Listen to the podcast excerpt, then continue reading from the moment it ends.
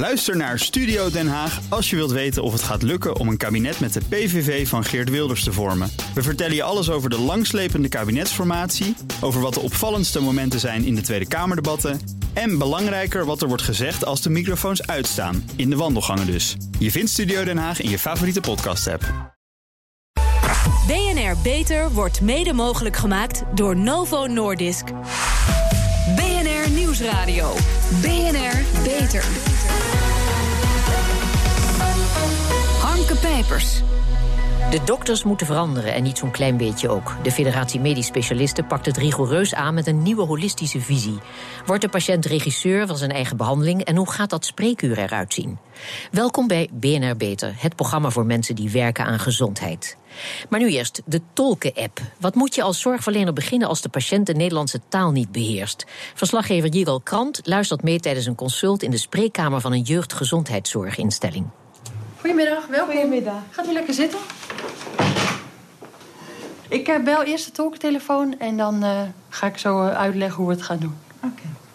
Welkom bij Tolk- en Vertaalcentrum Nederland. Blijft u aan de lijn, we verbinden u zo spoedig mogelijk door met uw gereserveerde tolk. Wij zijn voor u op zoek. Graag nog een moment geduld. Dat gebeurt wel vaker. Ik moet heel eventjes wachten tot de tolk aan de telefoon is. Ik wacht. U kunt beginnen met uw gesprek.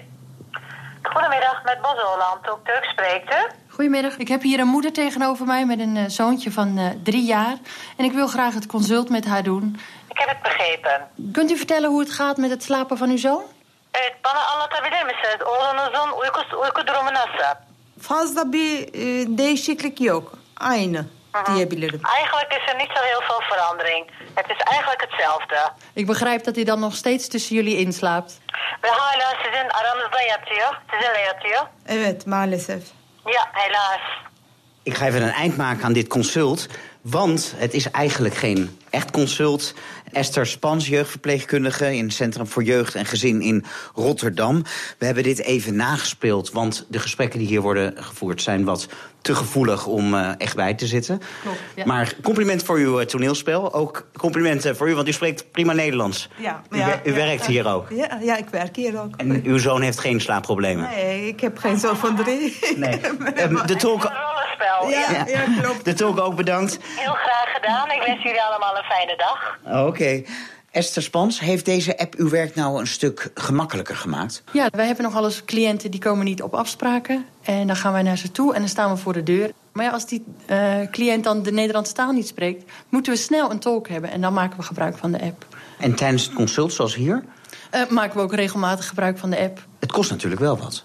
Het kost wat, maar mijn organisatie heeft daar uh, geld voor uitgetrokken... en uh, daar ben ik ze heel dankbaar voor, want daardoor kan ik mijn werk goed uitvoeren. Guido Vrooman van Tolk- en Vertaalcentrum Nederland. U heeft deze app gelanceerd. Ik zat net bij het consult, maar het duurde wel even voordat die tolk er was. Wat nou als dit in een ziekenhuis is en er is iemand half aan het doodbloeden? Ja, bij acute situaties kan dat direct middels de app worden kenbaar gemaakt. En dan wordt er binnen 20 à 30 seconden doorverbonden. Dus dan is er in elke willekeurige taal heel snel een tolk beschikbaar. U maakt gebruik van echte tolken. Is het niet een beetje omslachtig en misschien ook wel een beetje ouderwets in deze tijd van Google Translate? Nou, het is heel erg belangrijk dat er een stukje empathie wordt overgebracht. En dat kan Google Translate simpelweg uh, niet. En een tolk kan het heel, heel erg goed overbrengen. Maar ik kan me dan voorstellen dat er ook tolken zijn die een paar uur niks te doen hebben. Of dat er juist ineens heel veel behoefte is aan Turkse tolken en dat die allemaal bezet zijn. Het grootste gedeelte van de tolk is uh, ZZP'ers. En in meer dan 98% van de gevallen kunnen wij in alle talen in en van een tolk voorzien. Dus dat uh, is een heel hoog percentage. En die betaalt u dan per consult? Die betalen wij per minuut. Nu herinneren we ons allemaal nog de vrij opmerkelijke beschuldigingen van denkvoorman Kuzu. Die zei dat doktoren de stekker er eerder uittrekken bij patiënten die de taal niet machtig zijn. Gaat deze tolken-app levens redden? Nou, dit uh, levert in ieder geval een hele waardevolle bijdrage om de toegankelijkheid van de tolkvoorziening uh, te vereenvoudigen. Iedereen heeft op dat ogenblik een tolk in op zijn zak. Dus ja. Ja, de tolken-app. U hoorde onze verslaggever Jigal Krant van BNR. Mijn gasten vandaag Marcel Daniels, cardioloog in het Jeroen Bos ziekenhuis... en voorzitter van de Federatie Medisch Specialisten. En Marjolein Kremers, internist in opleiding... en voorzitter van De Jonge Specialist. Welkom. Meneer Daniels, u bent cardioloog en sinds januari voorzitter van de Federatie Medisch Specialisten. Heeft u ooit zo'n vertaal-app gemist? Niet echt. Uh, we gebruiken wel de uh, vooraangekondigde telefonische opzet. Dus waar we van tevoren afspraken maken met tolken. Uh, en verder denk ik dat het belangrijk is om bij patiënten van buitenlandse kom af, maar eigenlijk ook bij iedereen, te adviseren van neem iemand mee naar ja. het consult in de spreekkamer. Ja, oké. Okay. Op 14 maart hè, kwamen 800 medisch specialisten bijeen om te praten over de medisch specialist 2025. Het streven is om in 2025, heb ik begrepen, bij de kopgroep van de wereld te behoren. De ambitie is hoog, hè? Ja, dat klopt. Nu is het een beetje gemakkelijker gemaakt door het feit dat we al lang in de kopgroep staan. Mhm. Als we kijken naar de European Health Index, dan scoort de medisch specialistische zorg in Nederland goed. Maar het is niet vanzelfsprekend dat het zo blijft. En daar mikt dit document op om ook naar de toekomst te zorgen dat we daar blijven staan. Ja, mevrouw Kremers, over de toekomst. U bent internist in opleiding, voorzitter van de jonge specialist. Communicatie is inmiddels een onderdeel van de studie geneeskunde, een belangrijk onderdeel. Maar hoe zit dat als de artsassistent aan het werk gaat? Heeft hij dan genoeg tijd om uh, te communiceren of is de praktijk heel anders? Ik denk inderdaad dat de aandacht voor communicatie heel belangrijk is in de opleiding. En het voordeel wat artsassistenten hebben in opleiding is dat ze voor de meeste zaken wat meer tijd krijgen dan de medisch specialist. Ook juist om ervan te kunnen leren en te kunnen evalueren. Dus wat mij betreft is er momenteel voldoende aandacht ook voor communicatie in de opleiding. Ja, zeg, de federatie die pakt het rigoureus aan hè, met een nieuwe holistische visie, gebaseerd op het gedachtegoed van onder andere Machteld Huber. In uh, eh, 2025 zal de medisch specialist onderdeel zijn van een netwerk rond de patiënt. Wat moet ik me daarbij voorstellen? Het netwerk rond de patiënt uh, zegt het zelf al. Het wordt een netwerk rond de patiënt. En dat is mhm. anders dan hoe het nu is natuurlijk. Nu gaat de patiënt vaak naar de hulpverlener. En wij willen juist dat de zorg georganiseerd wordt rond de patiënt. En dat wil dus zeggen dat veel zorgverleners ook betrokken moeten zijn bij het netwerk. En dan kan je denken aan huisartsen, maar ook aan de wijkverpleegkundigen, de mantelzorger en medisch specialisten. Dus het gaat om deels structureel georganiseerde zorg in een netwerk. Maar je zou ook kunnen denken aan bijvoorbeeld e-consulten, ehm, waarbij de patiënt zelf niet naar een ander ziekenhuis moet, maar waarbij zorgverleners eventueel met patiënten bij, ja. uh, met behulp van e-health overleggen. Ja, meneer Daniels, het uh, nieuwe visiedocument uh, heeft het vooral over de patiënt als de regisseur van zijn of haar eigen zorgpad. Maar de patiënt bestaat niet. Uh, ik vraag me af over welke patiënt hebben we het hier? Want als we ons even verdiepen in de patiënt met, zoals dat dan heet, een lage sociaal-economische status, dus weinig geld, weinig opleiding, slechte gezondheid over het algemeen, helaas. wat doen we daarmee? Nou, daar doen we hetzelfde mee. Mm die patiënt betrekken bij zijn of haar aandoening. En dat betekent van twee kanten investeren. Uh, en het betekent aan de kant van de dokter om goed in te schatten wat het niveau van een patiënt is, waarop je spreekt, hoe je uitlegt, et cetera. Ja. Maar het is niet zo dat iemand met een lagere gezondheidsvaardigheid of taalvaardigheid niet weet hoe hij of zij iets wil met haar eigen lichaam. En mm -hmm. dat gesprek aangaan, denk ik, is belangrijk. Ja, nou, er staat dan letterlijk: we gaan er samen voor zorgen dat de gezondheid gezondheidsvaardigheden van de patiënten verbeteren. En voor patiënten met lage gezondheidsvaardigheden is er ondersteuning op maat beschikbaar, passend bij het niveau waarop hij functioneert. Nogmaals, wat moet me daarbij voorstellen? Want het is zo'n hardnekkig probleem namelijk, hè, om die mensen tot een betere leefstijl te krijgen. Ja, en uh, ik denk dat daar de toekomst uh, ons goed gezind is. Mm -hmm. Juist door innovatie in voorlichtingsmateriaal. Uh, voorheen brachten we folders uit en die folder die was op een geletterdheid wat niet voor iedereen toegankelijk was. Maar ik denk dat met nieuwe vormen van technologie, ja. filmpjes, et cetera, een betere uitleg gegeven kan worden aan mensen over wat hen mankeert en wat de opties zijn. Ja, laten we ons even verdiepen in de zorg zoals die er dan uit moet gaan zien? Een, een, een, pasje heb ik misschien, waar straks mijn hele elektronische patiëntendossier op komt te staan? Nou, dat zou heel wenselijk zijn. Uh, in die zin dat uh, iedere zorgverlener toegang heeft tot de gegevens over die desbetreffende ja, patiënt. Dat, is op dit moment nodig. nog zeker niet het geval. Nee. En ik denk dat dat een hele belangrijke randvoorwaarde is om ja. bijvoorbeeld invulling te geven aan die netwerkstructuur waar we het net over ja. hadden. Maar gaat dat wat er allemaal wordt opgezet, gaat dat betekenen dat ik minder vaak uh, op consult kom, omdat er meer via iPads en andere digitale toepassingen gecommuniceerd gaat worden?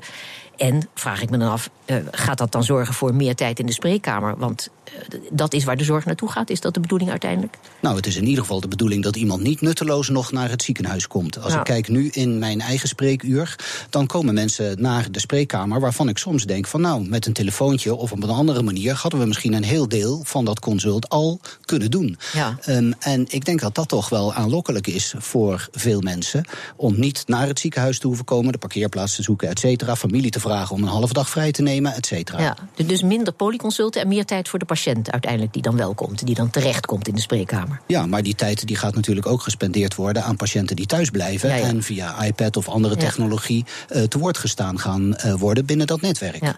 Maar leidt dat niet stelselmatig tot minder consulten en dus minder inkomsten voor de artsen en de ziekenhuizen? Hoe ziet u dat?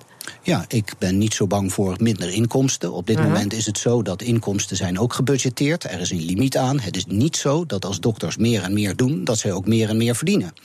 Uh, en dit visiedocument gaat er nou juist van uit dat we een kentering krijgen, ook in dit soort gedachten. En dat ja. we juist die patiënt centraal stellen. En op dit moment, uh, denk ik, wordt er ook wel breder nagedacht over hoe je de financiering zou moeten bewerkstelligen voor gesprekken alleen. Ja, maar wat heeft u daar voor ideeën over, mede gezien uw uitspraak? We hebben onze verantwoordelijkheid genomen over de inrichting en de kosten van de zorg. Ik, ik vraag me af, hoe gaat dat allemaal waargemaakt worden uh, als je kijkt naar de huidige marktwerking? Nou, als je kijkt naar kosten van de zorg, dan is een groot deel van kosten is natuurlijk gebonden aan het doen van diagnostisch onderzoek, mm -hmm. aan het doen van ingrepen, et cetera. Um, en dat is iets waar dokters zich nog iedere keer van kunnen afvragen: is dit voor deze patiënt onder deze omstandigheden een zinvolle ingreep? En daar ja. heeft die patiënt zeker een rol in. Dat maakt dat we ook medeletten op kosten. Uh, het is niet dat de kosten centraal staan. Mm -hmm. De gezondheid van de patiënt staat centraal, waarbij we nadenken over wat op dat moment voor die patiënt geschikt is. En dat is niet automatisch een ingreep. Nee. Nee, maar ik begrijp ook dat heel veel specialisten zitten met het feit dat ze toch een bepaald aantal verrichtingen moeten doen. Uh, dat, dat de inkomsten van het ziekenhuis geborgd moeten zijn. Dus dat lijkt me toch een, een, iets wat conflicteert. Ja, tot op zekere hoogte wel. Maar ja. nogmaals, er is een budget aan. Het is mm -hmm. dus niet ongelimiteerd. Nee.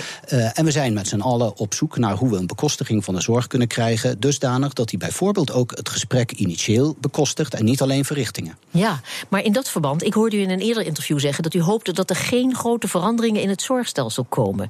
Uh, nou vraag ik me af, moet u niet juist het tegendeel hopen? Want het lijkt erop dat er een systeemwijziging nodig is om preventie en de bijbehorende innovaties rendabel te maken. Nou, dat ben ik uh, niet helemaal mee eens. Op de eerste plaats, uh, als je een gesprek met een patiënt of mm -hmm. een consult met een patiënt buiten het ziekenhuis beziet als een contact van de patiënt uh, of met de patiënt die bekostigd wordt, dan zie ik daar niet het dilemma in. Nu is het zo dat een bekostiging alleen maar gekoppeld is aan het daadwerkelijk zien, face-to-face -face contact met een patiënt in het ziekenhuis. Ik ja. denk dat dat achterhaald gaat zijn. Ja, dat gaat achterhaald zijn, maar nogmaals het verdienmodel. Want uh, ziekenhuizen en, en, artsen zijn toch ingesteld, halen hun verdiensten uit repareren. Uit uh, het gezond maken mogen we hopen, maar preventie is daar nog geen onderdeel van. Nee, en daarom staat bij dat visiedocument ook niet 1 januari 2018, maar 2025. Er is dus nog wel een weg te gaan. Ja, ik wou zeggen dat duurt wel erg lang.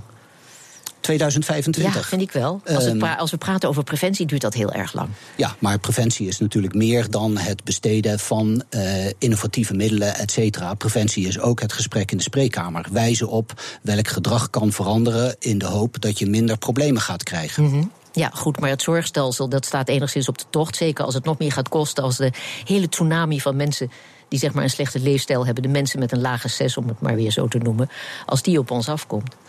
Dat klopt, en daar zullen we dus een oplossing voor moeten vinden. Ja. En ik denk dat die oplossing ge, uh, gevonden kan worden in het huidige systeem. Daar is helemaal niet een grote stelselwijziging voor nodig. Uh, dat trek ik in twijfel. Maar wellicht komen we daar nog over te spreken. Goed.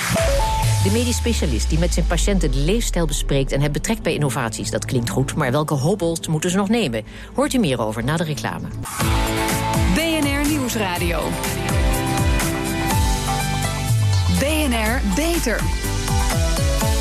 De dokter bij de patiënt op het spreekuur in plaats van andersom, zoals we gewend zijn. Dat is volgens de Federatie Medisch Specialisten de toekomst. Daar praat ik verder over met Marcel Daniels, voorzitter van de Federatie Medisch Specialisten, en Marjolein Kremers, voorzitter van de Jonge Specialist. Innovaties zullen in die toekomst een cruciale rol gaan spelen, terwijl artsen aangeven, nu tenminste, dat ze te weinig tijd hebben om zich in innovaties te verdiepen. Volgens Lucien Engelen, directeur van het Reshape Center in het Radboud ziekenhuis, zijn er onder artsen nog te weinig early adopters. Mevrouw Kremers. Uh, hoe ziet u dat? Of er te weinig early adopters zijn, dat durf ik niet zo goed te zeggen. Ik denk dat er ook binnen uh, de huidige medisch specialisten, maar zeker ook uh, onder AIOS, arts in opleiding tot specialist, echt wel mensen ontzettend geïnteresseerd zijn in innovatie en daarmee verder te gaan. Ik denk wel dat het enorm helpt als het ziekenhuis of ehm, ehm, de academie waar je in je werkzaam bent, mhm. daar een ondersteuning kan bieden. Eh, want ik denk niet dat je in je eentje een hele innovatie uh, op touw kan zetten, maar dat je een afdeling nodig hebt die dat ook ondersteunt. En het mooiste zou zijn natuurlijk als het ziekenhuis breed of zelfs regionaal geïmplementeerd wordt, zodat ook alle systemen weer met elkaar communiceren. Ja, maar uh, vraag ik me af, loopt de federatie niet heel erg op de troepen vooruit? Of is het vooral een generatieding? En zien uh, jonge artsen geconfronteerd met alle onzekerheden in het vak tegenwoordig, geen vaste baan, de maatschappij ongeveer onbereikbaar, zien zij de noodzaak vooral in van innovaties in en veranderingen? Terwijl de oudere generatie misschien denkt dat het hun tijd wel gaat duren. Nee, ik denk echt dat het wel een gedeelde uh, noodzaak is die we alle twee voelen. Uh, want we zien natuurlijk ook alle apps op ons afkomen, wearables, machines die, of apparaten die thuis van alles kunnen meten. En ik denk dat we nu op de trein moeten springen. En ik merk ook dat binnen de federatie dezelfde gedachte heerst. Ja. Meneer Daniels, in het visiedocument van de federatie wordt gesproken over de multidisciplinaire samenwerking tussen specialisten onderling en andere zorgprofessionals. Niet alleen de artsen subspecialiseren zich, ook de verpleegkundigen en de huisartsassistenten krijgen steeds meer handelingen toebedeeld, waar ze apart voor eh, worden opgeleid. Volgens de branchevereniging voor verpleegkundigen wordt er in de praktijk al beter samengewerkt, maar dat wordt niet genoemd in het visiedocument. En volgens de branchevereniging voor verpleegkundigen is dat een gemiste, is dat een gemiste kans. Hoe staat de federatie daarin?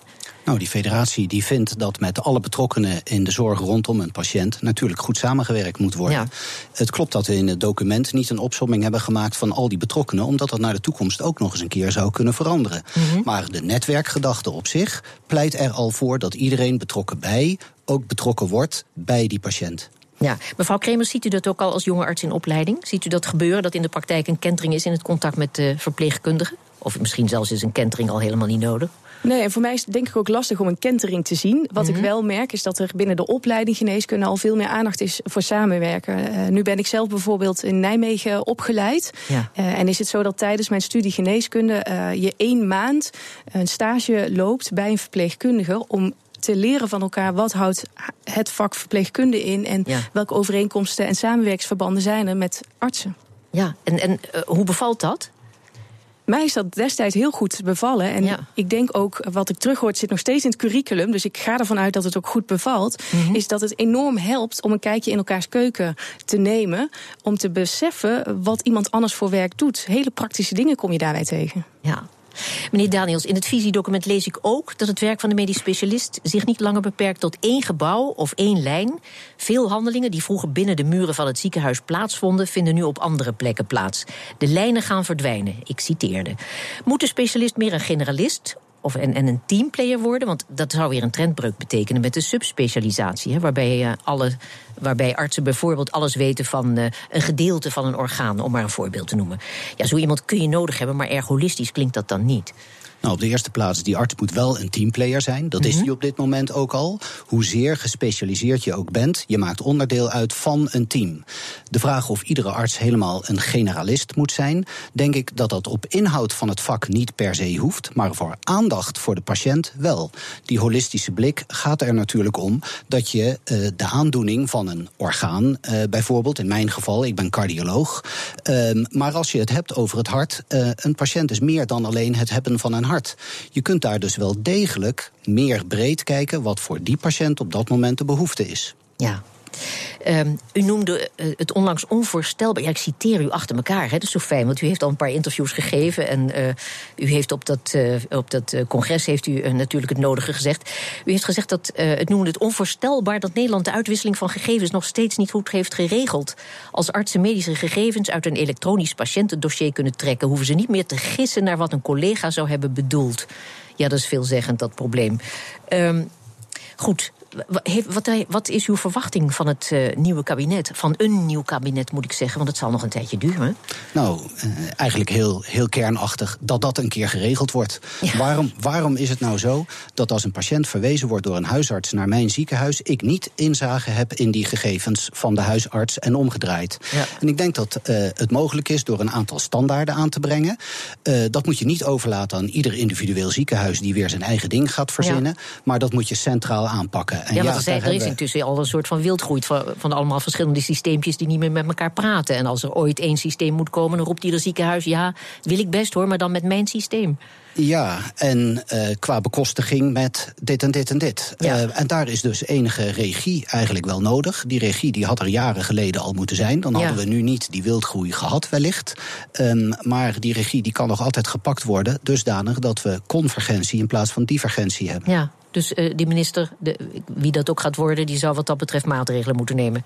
Ja, en daar gewoon zullen we de minister ook graag een aantal voorbeelden van laten zien... waarom dat nou zo echt nodig is. Ja, of moet dat weer eh, uiteindelijk het zorginstituut worden met doorzettingsmacht om dit te regelen, zoals zo vaak?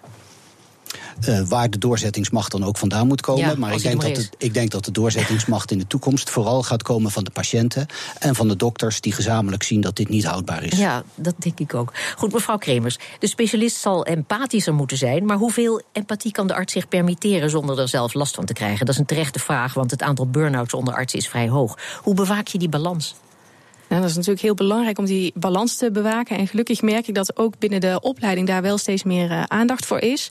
Eh, nou is het ook zo dat ik daar wel enigszins positief over kan zijn... dat in ieder geval binnen de AIOS die we afgelopen jaar hebben geënquêteerd... we merken dat het percentage burn-out afneemt en niet toeneemt. Ehm, dus we zijn daar wel steeds bewuster van. En ik denk dat dat de eerste stap is om een burn-out te kunnen eh, voorkomen. En vervolgens dus ook durven te zeggen waar je grenzen liggen ehm, en werk verdelen. Ja. Eh, een- botrik van een arts. Eh, helaas heeft iedereen wel eens eh, zo iemand meegemaakt. Zal dat nog het geval zijn in 2020? Of ziet het er aanmerkelijk beter uit tegen die tijd? Nou, dan moet ik eh, kijken naar mijn buurvrouw, want eh, Ja. daar komen de artsen uit de toekomst Precies. vandaan. Ja? Ehm, maar ik heb er goede hoop op dat we, eh, dat we toch echt een slag gemaakt hebben in de communicatie met de patiënt. Als ik dat zie vergeleken met tien jaar geleden. Het komt van twee kanten. Ook Ja. de patiënt is op een andere manier, gaat het gesprek in. Dat willen we ook graag. Daar moedigen we die patiënt ook toe aan. Samen met de Patiëntenfederatie hebben we campagnes als samen beslissen, stel de drie goede vragen, en et cetera. En van die combinatie moet het in de toekomst gaan komen. Ja. Meneer Daniels, hoe zal het tot slot zijn in 2020, eh, 2025? Zal er tegen die tijd geen belangenconflict meer zijn? Zijn alle artsen in loondienst en behoren de maatschappen definitief tot de verleden tijd? Om maar een struikelblok te noemen? Ehm, ik denk dat een wereld zonder enige eh, belangentegenstelling eh, niet denkbaar is. Die zal overal blijven. Eh, het is niet zo dat het brengen van artsen in loondienst meteen betekent dat er geen belangenstrijd meer is. Vervolgens zal die belangenstrijd er wellicht zijn met de ziekenhuizen. Die vinden dat dokters dit en dit moeten doen. Of wat dan ook. Ehm, dus ik denk dat ja. er Ja, maar zolang zeg maar, het repareren, het genezen nog de, de betaaltitel is... en preventie daarin eigenlijk nauwelijks een rol speelt... en dat ook niet te verenigen is met het verdienmodel wat we hebben... blijven we toch met een probleem zitten. Hoe ziet u dat, mevrouw? Dat probleem van bekostiging, ik denk dat het ontzettend ingewikkeld is. En ik deel daar wel de mening van eh, eh, Marcel Daniels in. eh, dat nu heel veel wijzigingen niet per se leiden tot verbetering van deze problemen. Ik denk dat juist vastigheid ervoor zorgt dat we met z'n allen een slag kunnen maken. En ehm, als wij met z'n allen vinden dat preventie erg belangrijk is, ben ik misschien nog zo idealistisch dat ik denk dat we daar ook de overheid van, wel van kunnen overtuigen. Ja. Eh, Dus geen voorstander van eh, een wijziging, maar je hangt er vanaf welke wijziging dat is. Praten we een andere keer nog eens over. Hè? Hartelijk dank. Marcel Daniels van de Federatie Medisch Specialisten en Marjolein Kremers van de Jonge Specialist. Ook zo'n zin in die lentezon. Eindelijk lekker met je gezicht in de zon na die winter. Maar moeten we niet oppassen voor die sterke lentezon? Verslaggever Jiwald Krant zocht het uit. Feit of fabel? In de lentezon. De lentezon is feller dan in de zomer. Nee, de zon schijnt niet feller in de lente. Dat is een fabel. De zon is zelfs nog niet op volle sterkte. Maar dat je in de lentezon sneller verbrandt, dat is een feit. Je zou denken, de zon in de lente, dat is niet zo sterk, dat klopt. Want het is vergelijkbaar met, zeg maar, eind augustus zon. Of misschien wel begin september. Dus het is eh, minder sterk, de zon. Maar de huid is vooral eh, minder sterk in het verwerken van zon. Aan het woord is Bing Tio, dermatoloog aan het Erasmus MC. Volgens hem kunnen we te allen tijden maar beter de zonnekracht checken voordat we naar buiten gaan. Die waarde bevindt zich ergens tussen de 0 en de 10. En bij een zonnekracht van 3 à 4 begint het na een half uurtje met blote armen op een terrasje al riskant te worden. Smeer je daarom altijd goed in met zonnebrand en ga voor de optimale bescherming. Ook op een niet zo heel warme lentedag. Mensen zeggen van, eh 8 is genoeg. Maar dat is maar 75% bescherming. 30 plus, dat is de allerbeste bescherming.